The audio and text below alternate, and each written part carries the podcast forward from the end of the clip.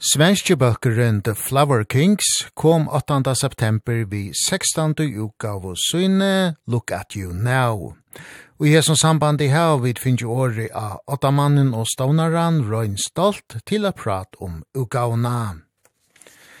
Tjejutrush er gamle Røyn Stolt er et virkjent navn av alt sjåa progressiva rockpaddelen Han byrjaði fyrst og tjeitjarnon og i fremsta svenska progressiva non om hetta monte, Kaipa. Så jan hever stolt lo an er om hundra utgavon vi rundt The Flower Kings, superbølsjonon Transatlantic, som er mannar saman vi Neil Morse, Pete Trivavas og Mike Portnoy, tonlagarar som er kjenter ur balkon som Dream Theater, Marillion og Spox Beard. Stolt hever røysne saman med John Anderson, fyrverande sangarnon og Yes, utgivi utgavna Invasion of Knowledge. The Flower Kings ståna i han i 1994, bøltjen som han nu er aktueller vi utgavne, Look at You Now. Det började nog sent, uh, sen höst förra året så började vi nog och titta. Det brukar ju vara så att eh, skivbolaget frågar eh, ska ni ut någon ny skiva nästa år? Har ni någonting på gång? Har ni låtar och så vidare? Och, och eh, jag är ganska systematisk när det gäller såna här grejer så att jag kan i princip bestämma att ja, visst vi ger ut en skiva, det passar bra det här den här tidsperioden och så vidare och sen så sen börjar vi titta på vad som finns av material Och skulle det visa sig att vi inte har någonting som är tillräckligt bra så klart att vi inte ger ut det. Men, men eh, nej, men jag, jag är ganska disciplinerad med sådana saker. Så att, eh, jag, har mycket, jag skriver mycket musik hela tiden så att eh, det handlar mer om att bara titta på vad vi har, om vi tycker att det är någonting som vi kan göra någonting utav, vidareutveckla eller koppla ihop olika låtidéer och sånt där. Ja. Så det är mycket så. Man, skick, man skick, börjar med att skicka ut material till alla medlemmar så får folk lyssna, tycka till. Och det säger då är det mig disciplinerat. Är skrivprocessen så att du sitter i din studio och, och så, så kommer musiken? Ja, precis. Jag har jag jag är ju liksom gitarrist i The Flower Kings men jag i studion så är jag egentligen mera klaviaturspelare tror jag. Så jag har lite olika pianon och syntar och grejer här som jag komponerar på. Det, det är nog för att det är mer, för mig i alla fall, är det mer överskådligt på något sätt. Med ett piano så har man ju bastoner och, och akkord och melodier. En, en gitarr, gitarr är ju mera, min funktion i alla fall i Flower Kings är ju mera lite, lite rhythmgitarr men det är mycket sologitarr och melodier och sånt där led, teman. Så att um, keyboard är, är, är mitt val när det gäller att skriva musik. Ja. Plus att jag menar nu har man allting görs ju på datorer, alla demos och sånt där så att eh, man har tillgång till trumljud, olika orientaliska percussion eller blås och stråkar och diverse keyboard. Ja. Syntar och orglar och så vidare. Så har det funkat för mig de senaste 15 åren åtminstone. Mm.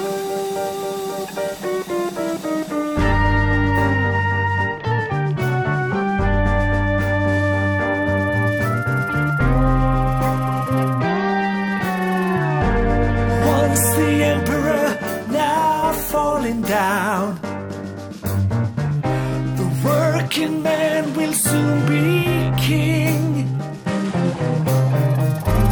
Once a promise, once around the sun. Banners waiting for the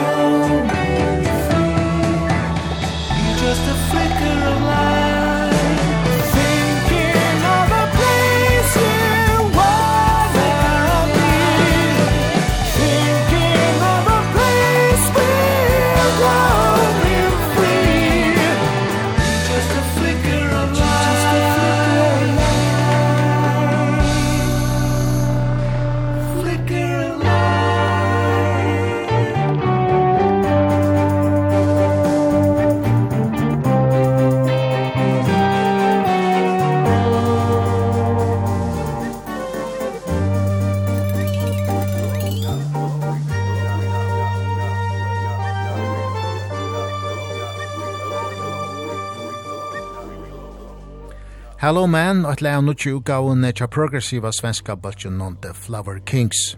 16. utgava torra, Look At You Now, var utgiven 8. september. Vi tåsa i kvöld vi Røyn Stolt, åtta mannen ui just The Flower Kings. Og hva er det du får inspiration fra når du skriver musik? Det, det, det kan jag nog inte svara på riktigt. Naturligtvis oundvikligen så är det ju inspiration från annan musik man hör Eh, dessvärre så har jag inte så himla mycket tid att lyssna på, på annan musik. För jag jobbar mycket och då blir det ju lite grann att det är musik som man kommer... Ja, man kan sitta på en flygplats eller du kan sitta på ett café någonstans och så hör man en låt, en låt man gillar eller någonting är på tv eller jag hör någon filmmusik som är på tv och man ser någon film och så vidare.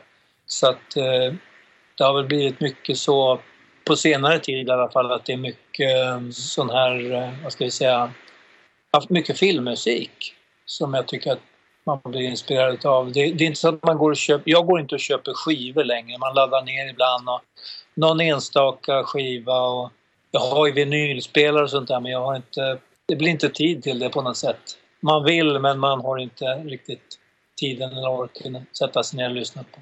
Så att det blir det blir musik som man ja som helt enkelt man som man hör bara liksom av en slump på något sätt. Och så kan man kan man lyssna. Ibland går man inte tillbaka och lyssnar eller man man hittar saker naturligtvis på på internet och det läggs ju saker på Facebook och så vidare. Och så kan man gå in och lyssna på någonting eh och gamla skivor man har lyssnat på för länge sedan 70-tal och 60-tal och till och med 50-tal och så jag vet inte det det det är rätt svårt att säga var vad vad kommer inspirationen jag tror inspirationen kommer mera när jag sätter mig och spelar pianot så är det det kommer spontant. Jag vet jag kan inte säga exakt hur vad men men det jag, jag hör musik i huvudet och sen så och så så spelar man in demos då ju. Försöka bygga därifrån och sen så kommer ju bandet in och så bygger man vidare och orkestrerar och producerar och så vidare och gör till en färdig produkt naturligtvis. Ja. Är det också andra ting som inspirerar dig utanför musiken måske? Inte musikaliskt tror jag. Det tror jag inte. Textmässigt så är det naturligtvis allt som händer i omvärlden. Texten är väl kanske lite stundtals poetiska men också väldigt förankrade just som det ser ut nu med allt som händer. Det är ju det händer mycket.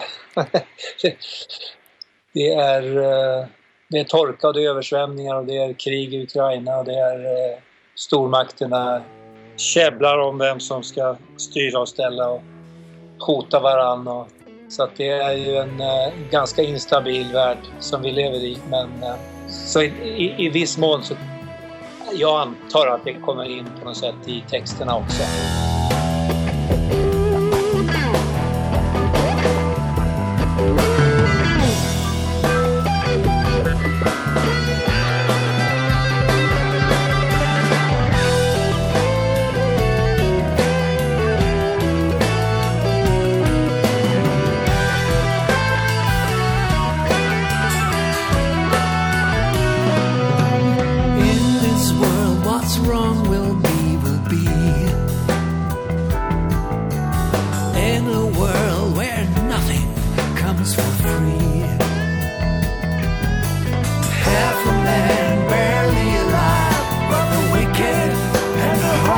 fry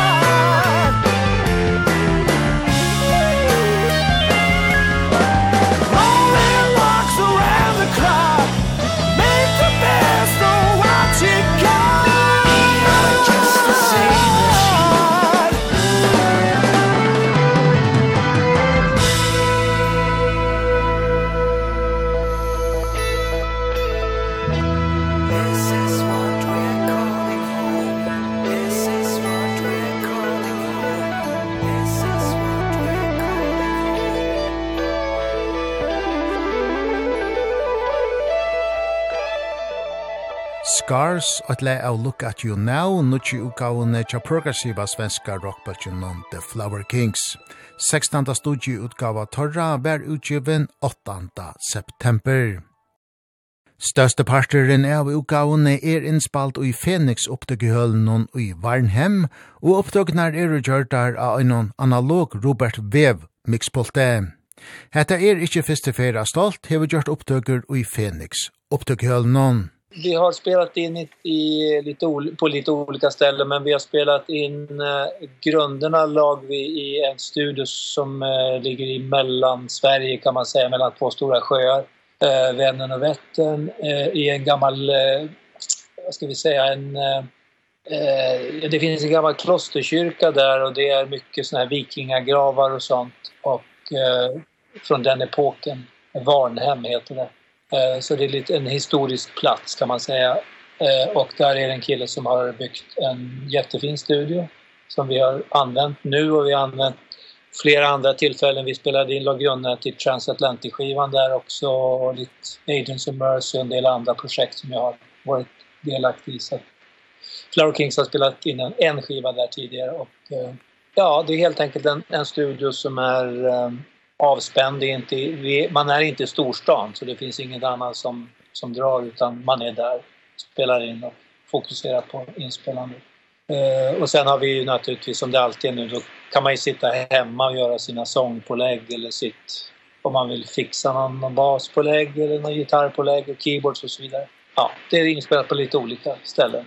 Och som vi förstår så är det största parten inspelat analog på en Robert Neve uh, pult. Varför valde ni den lösningen?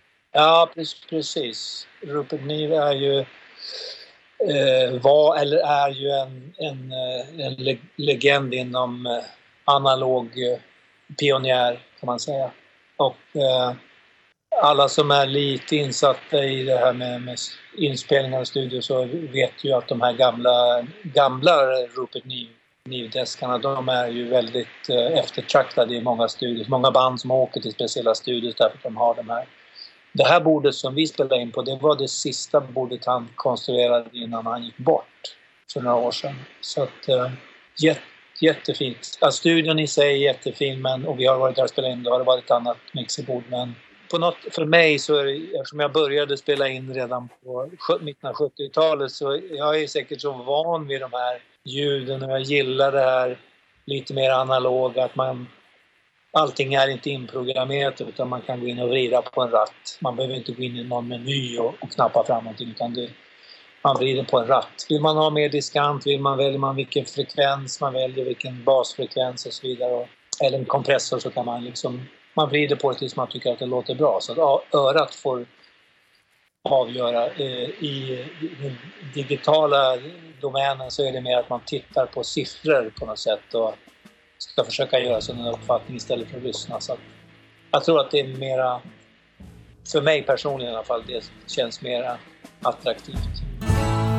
You're on a quest in search for life bright as memories abide. Sure as the sun will rise the glimmer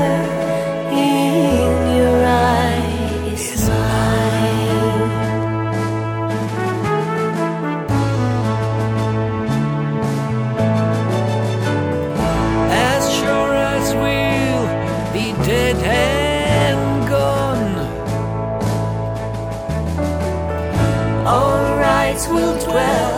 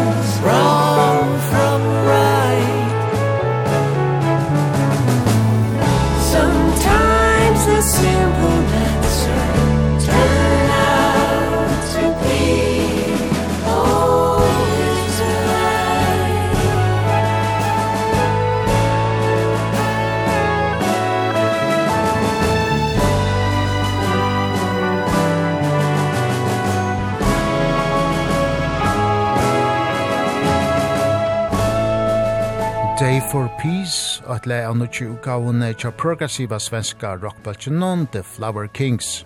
16. utgava torra Look at You Now var utgiven 8. september. Negra brøydingar er og farna fram i The Flower Kings, søgnast og Arne. Brauer Røyn Stolt, Mikael, er etter 20 jara fraver og atter vi i Bøtjenon.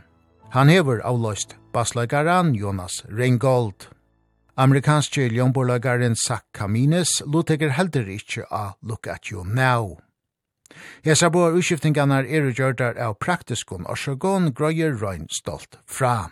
Jonas Rengold har ju varit basist i drygt 10 år i bandet och eh, han valde att eh, eftersom han turnerar med Steve Hackett han, han tog det jobbet som basist i Steve Hacketts band och eh, de spelar så mycket. Och nu har vi två två år då har vi lite försökt anpassa turneringarna till för att Jonas skulle kunna vara med och då har det blivit ganska sent på hösten så att vi har liksom haft turnéer som har börjat i december och det gillar jag inte riktigt för det. I Sverige så är det, det är mycket snö och det är kallt och det är lite bökar och åker man ner i Europa så är det fortfarande det är ju, det är ju kallt, det är ju vinter så att säga. Så att det är inte optimalt alls att turnera. Plus att, att vi har behövt anpassa oss efter hans lediga tid och det, det kändes att det var dags att bryta det och försöka kunna jobba mer. Så nu, nu startar vi en turné i, i första veckan i oktober i Europa. Och det är lite mer humant. Och, och en annan anden förändring är att att du spelar de, de, de flesta key, keyboards på albumet. Eh, mm. och det är måske en praktisk orsak till att Zack bor i USA. Ja, det har ju varit så även tidigare att jag har spelat mycket keyboard. Eh, jag har kanske inte tagit credit för men jag har inte tyckt att det var så viktigt. Men, men nu eh, har vi haft en amerikansk keyboardist, Zach Canings då, och eh, lite på grund av att eh, efter den här, hela den här grejen med coronan så har det flyg, flygpriserna har gått upp och han bor i Los Angeles och även komplicerar när man ska, som vi, nu har vi gjort några enstaka festivaler, vi var uppe i Nordnorge och spelade för några veckor sedan och vi, ja, vi har gjort såna här enstaka festivalspelningar. Och då, då blir det nästan omöjligt att ta över någon som bor i Los, Los Angeles och flyga över. Det blir, det blir för dyrt helt enkelt och det, man kan inte träffas och, och repa heller. Så att eh, vid en tidpunkt så hade vi ju Zach Kamins i i Los Angeles, Mirko De Maio som spelar trummor bodde eller bor i Italien och Jonas hade flyttat ner till Österrike så jag hade tre musiker som låg och så ska man försöka få alla flyg, flygbiljetter och koordinera allting där. Så det känns mer som att det är hanterbart idag och Och eh, vi vi har ju haft live har vi haft en kille som är härifrån från min hemstad Uppsala då. Daniel Lans och eh, nu för eh, turnén i oktober så kommer vi ha Lalle Larsson då som är en gammal kompis som har var med i Agents of Mercy och Karl Markant också tidigare. Ja. Eh uh, så han han kommer spela på den här. Men han finns i alla fall i Sverige. Det känns fan det är bara på det sättet.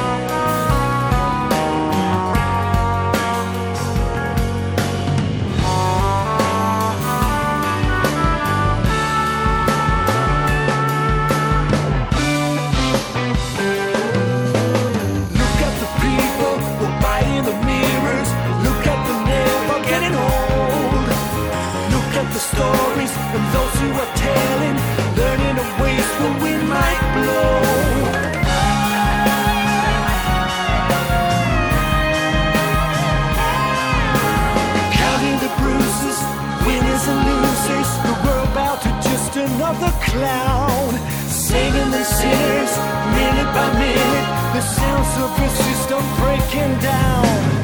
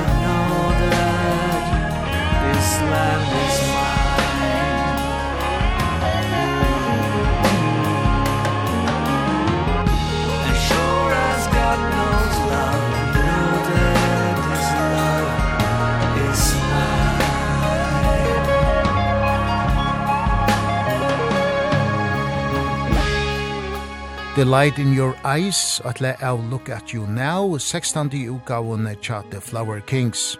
Ein utgava møvuløyge vera dokna ser 8. september. Etleve lø er vi a Look at You Now, og te er å skriva i iverøtt lengt tujarskøy. Skitsunar til fyrsta stegleie, Beginner's Eyes, Gjørde Røyn Stolt, Arend The Flower Kings sa dagsins jøs, 1904 og 4.5. Ja, till exempel den, den första låten där, den, det är inte hela låten som är skriven då innan, men delar utav det är skrivet då och jag helt enkelt eh, jag har ju en massa hårddiskar som ligger och ibland lyssnar man igenom någonting och så hittar jag något tema så skickar jag ut det så säger någon ja det där var ett bra tema den, den där delen var bra. Eh och så vidareutvecklar vi det och så blev det en en låt. Så det det var delar utav den låten var skriv, skriven innan det fanns något Flower Kings.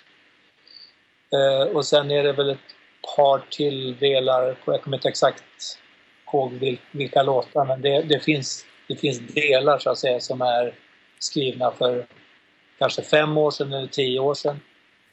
Och eh delvis kanske av en slump men också delvis för att jag tror att jag, jag skriver musik på ett annat sätt idag än vad jag gjorde för 25 år sedan. Så att det kan vara intressant att blanda upp det. Och så, alltså jag är naturligtvis mer effektiv idag. Idag kan jag, säger du till mig, vi hörs om en timme, skriv en låt. Då kan jag göra det idag, det kunde jag inte göra då. Men det har ju mer att göra med professionellt hantverk så att säga. Så att jag är skickligare på det professionella hantverket men inte säker att mina idéer är bättre man kan, man kan ju skriva hur mycket musik som helst. Det betyder ju inte att det är bra musik för att man kan skriva musik. Vi har bara försökt leta nya demos, gamla demos och det spelar egentligen ingen roll. så när vi blandat ihop det. Och du, du ser du, du skriver annorlunda musik nu än för 25 år sedan. Vad, vad är forskellen? Vardan är, är den för antingen skett? Jag, jag vet faktiskt inte, men jag, jag vill tänka att de, delar av det beror på just det jag säger, att man har blivit mer professionell. Alltså att jag har hört mer musik, jag har tagit mer influenser. Alltså under de här 25 åren så lyssnar jag på annan musik också. Så för mig, om för 25 år sedan hade jag ju kanske inte hört vad ska vi säga, Coldplay eller något sånt. Och allt som man hör under tiden, alltså det, det sätter något avtryck vill jag tro. Och sen kanske allting blandas upp och det blandas upp med klassisk musik och det blandas upp om, som sagt med filmmusik som man har hört och sett. Och jag, jag funderar inte så mycket på det. Det, det, vad ska vi säga, det viktiga är ju att få fram ny, bra musik. Och eh, sen om den är skriven nu eller då, eh, det spelar inte så stor roll och det spelar inte så stor roll heller. Stilmässigt så försöker vi väl hålla oss inom ja, den här, ska vi säga, den Flower Kings typiska Daukins-musiken men så måste man blanda upp ibland och prova någonting nytt och kanske ta in några nya element så där så att, ja. det mesta är ganska spontant tror jag. Det så, ligger inte så jättemycket tanke bakom utan eller det är inte så mycket planering utan det är mer att vi lyssnar och gillar vi någonting så gör vi det och gillar vi inte så lägger man åt sidan.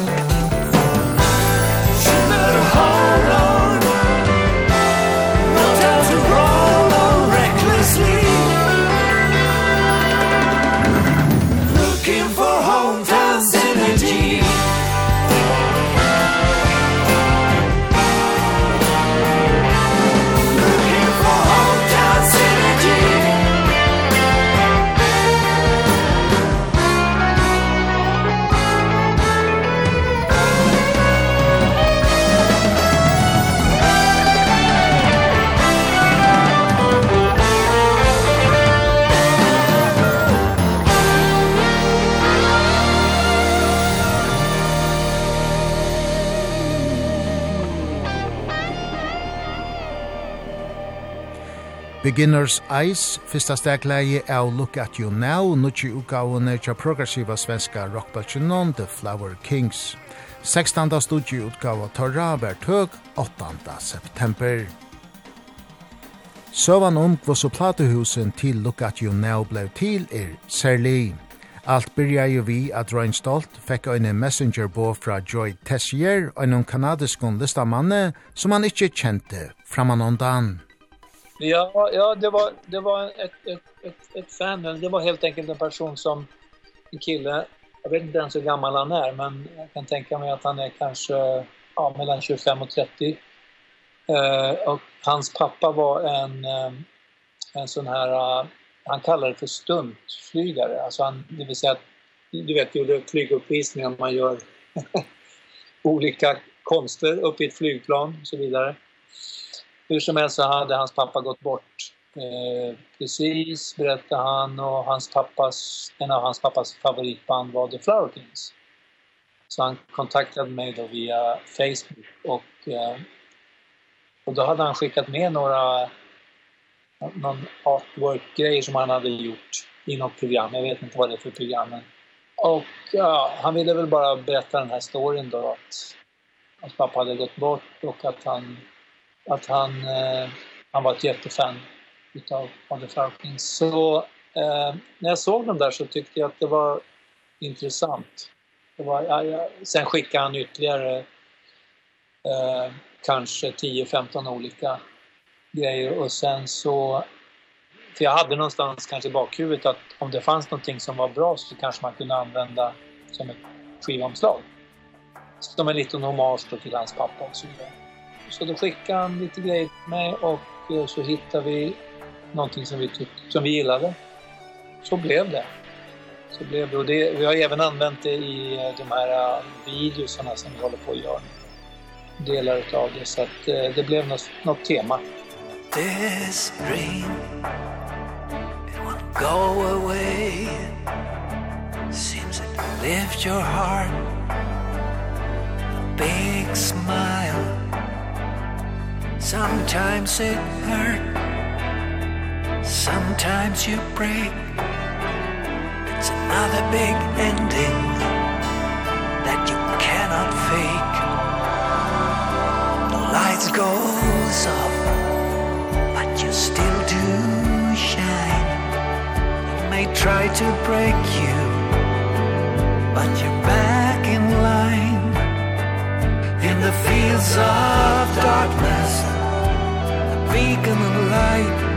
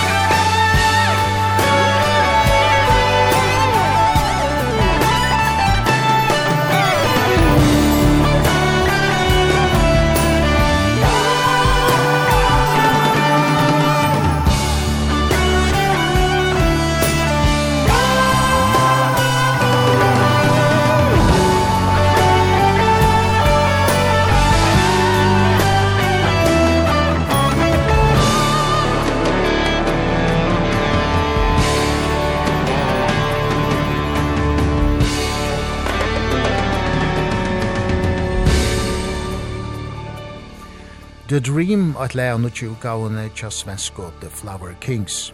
Look at you now vær utgiven 8. september. Omframt at hava arbeid vi hese 16. studieutgavene tja The Flower Kings hever røyn stolt æsne sønnast og ærene rimastra og mixa fyrste utgavene tja bøtjenon av Nutsjon. Og et arbeid som hever haft imsar avbjøyngar vi ser. Under ett och ett halvt års tid så har jag ju gjort gjort eh, remixar och remastering på gamla Fraukins som skivbolaget har gett ut på vinyl då för första gången. Så att det har varit för mig en, en återblick i, i hela den här 15 skivor eller vad det kan vara, 14-15 skivor. Ja, jag har läst att uh, de gamla masterband uh, de var det var slitte och de måste bruka olika tricks till att få den till att köra igen. Ja, eh alltså man kan ju man kan baka de här banden Många har ju skickat iväg, det finns ju såna firmor, man kan skicka iväg dem och så skickar man till England och så får man tillbaks dem. Men jag läste på lite grann på nätet och det går faktiskt att använda en vanlig ugn. Man, man ställer den kanske på 60, 50-60 grader, någonting sånt. Och så lägger man eh, tejpen över natten. 10 timmar kanske, 10-12 timmar. Och så tar man ut tejpen och då kan man eh, under kanske ett dygn eller två, om, kan man lägga, lägga den på bandspelaren har. För det handlar ju om att den här oxiden som är på banden släpper eh, från limmet som har varit på, på bandtejpen så att säga. Så att det kan man göra. Men eh, jag har valt att mixa om eh, ett par låtar på varje skiva. Så jag har inte mixat om allting. Däremot är, ju allting ommastrat. Så att då, jag ju mastrat om det då i, i, med analog equalizing och kompressorer och sånt där. Eh och jag har gått in och även och hittat eh, eh på den tiden så så mixar man ner till DAT så här små DAT tape och de originalen har jag hittat. Så jag har försökt hitta den så att säga de ursprungliga mixarna då. I vilket fall vilket gör att det kan skilja sig lite grann ifrån det som har varit på skivorna, tillgängligt då på skivorna så att eh, vissa låtar kan ha kan finnas något gitarrtema som är annorlunda eller det kan finnas ibland leadsång som är annorlunda. Men ja, det har varit roligt. Eh, mycket jobb men roligt att göra det och eh, kul att återknyta till de gamla låtarna också. Och vad syns du är den stor, största forskel lydmässigt från de gamla CD-råd och de nya? jag vet inte på, på den tiden så var, var det ju mer begränsade det var ju här är ju innan den dig, hela digitala revolutionen så att säga med inspelning. Man, nu spelar man in på dator men på den tiden så var det den första skivan var inspelad på 16 kanal rullband. Så det var, vi hade bara 16 kanaler. Så att då, man fick vara mer noggrann då med med vilka pålägg man gjorde. Idag när man sitter med en produktion då kan man få kan ju få 12, 12 14 sångkanaler. Det skulle aldrig ha gått då. Eller, eller trum, trummor, hur man spelar in trummor. De, de första skivorna tror jag spelar in kanske med eh, sex kanaler trummor. Och idag så kan trummor vara uppåt 20 kanaler. Därför att det är mikrofoner på allting. Vi har mikrofoner ute i rummet. Som till exempel nu den här, den här nya skivan. Där hade vi mickar på allting på trummorna. Sen tror jag han hade sex eller åtta olika mikrofoner ute i rummet på olika höjder och bakom trummorna och, och fem, sex, sju meter framför trummorna. Och, som man sen kan blända in då för att skapa ett större sound. Så att det är väl det är väl hela den digitala revolutionen. Det är väl det som är mest där man fick eh, tänka efter noga, noga för så kan man nu bara mata in ytterligare. Vill jag lägga, testa att lägga in åtta olika kuskagitarrer kan jag göra det. Och välja sen då naturligtvis. Ja. Nu ser du att du har varit igenom det gamla materialet. Eh, tror du man kan höra det på det nya albumet att du har varit i det gamla univers? Spontant kan jag tycka att kanske skivan har mer gemensamt med de här tidigare Metropolis och Stardust VR och Flower Power. Alltså den, den har mer musikaliskt gemensamt med de skivorna än vad det har kanske med de, de sista, ja, de här Banks of Eden och Desolation Rose och Summon of Evil. Day. De var ju väldigt eh, professionellt inspelade och, och välspelade. Alla spelar bra och bra mixade och sådär när jag gick tillbaka och, och remixade och remasterade de gamla skivorna så kan jag, kan tycka ibland att vissa delar kanske är lite naivt och lite ska vi säga, no, någorlunda ungdomligt naivt i kompositionerna men det finns också en skärm i det bara som en frisk fläkt att man får in lite grann av det också. Ja. Ibland så kan man liksom blanda teman och man kan klippa av och, och klistra ihop och det låter lite tokigt de första tio gångerna man hör det men sen Och lyssnar man på mycket alltså traditionell progressive rock, allt ifrån Frank Zappa till Yes King Crimson, så är det oftast den här väldigt konstiga Genesis. Eh, man tänker deras Big Epic Supper's Ready, det känns som att det egentligen är bara ett antal låtar som de har satt ihop. Och det, det är ju kanske ett lite mera, det är inte kanske så, så utvecklat eller så moget, men det finns en viss charm i det också kan jag tycka i, i just den här den ungdomliga iven. så man, när man ska, skapa liksom någonting som är progressive rock så kan man blanda lite hur som helst. Ja. Och det tror jag finns lite mer på den här nya skivan än vad det har varit den sista tiden faktiskt. Reform!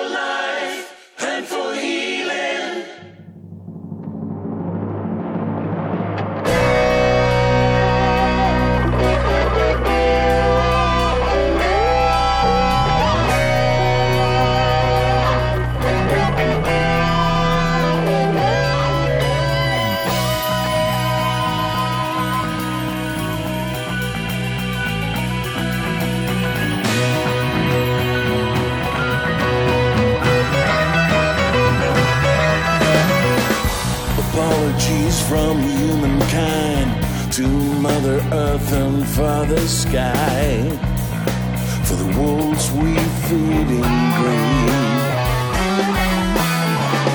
Forgive me, Father, for I have sinned. Forgive me, Mother, for I have failed you. Somehow it seems we lost the way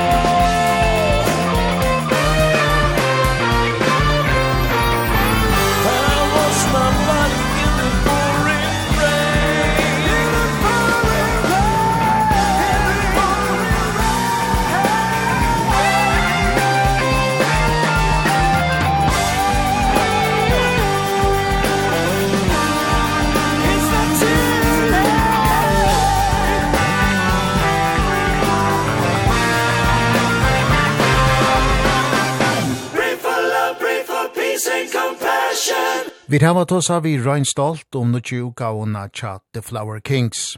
Look at you now, som var utgiven 8. september. Vi spalt og eisne fleste løgin i avis 16. uka unna tja progressiva svenska rockbatchen og nå til søgnast hårdu vid Mother Earth.